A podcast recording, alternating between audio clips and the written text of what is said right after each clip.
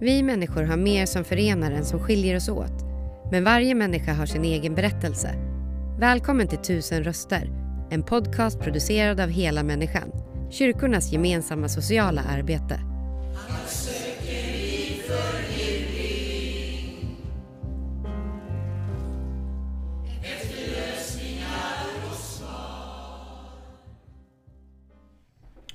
Jag sitter här med Stenis som är 60 år. Eh, och vi är alltså hos Hela Människan i Karlskoga och Degerfors. Eh, just nu så är vi på Riagården i Degerfors. Hej, hur är läget? Ja, det är nog bra. Ja, Ja. du är just nu sjukskriven från eh, arbetet här på Ja, Ria. Men vill ja. du berätta lite vad du brukar göra?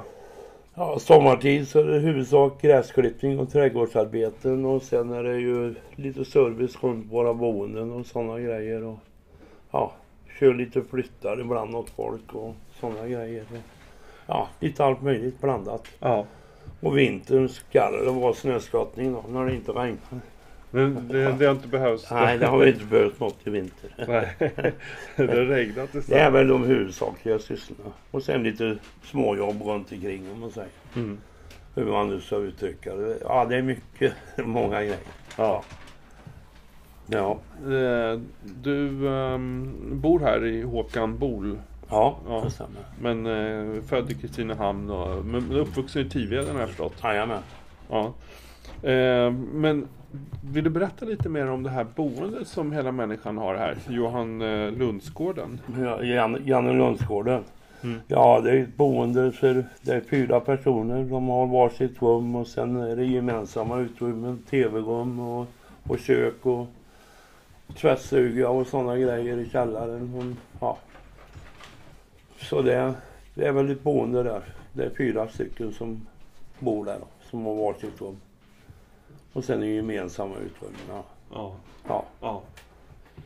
Men du, eh, eh, vad har du gjort i, livet? Eh, jobbat och sådär?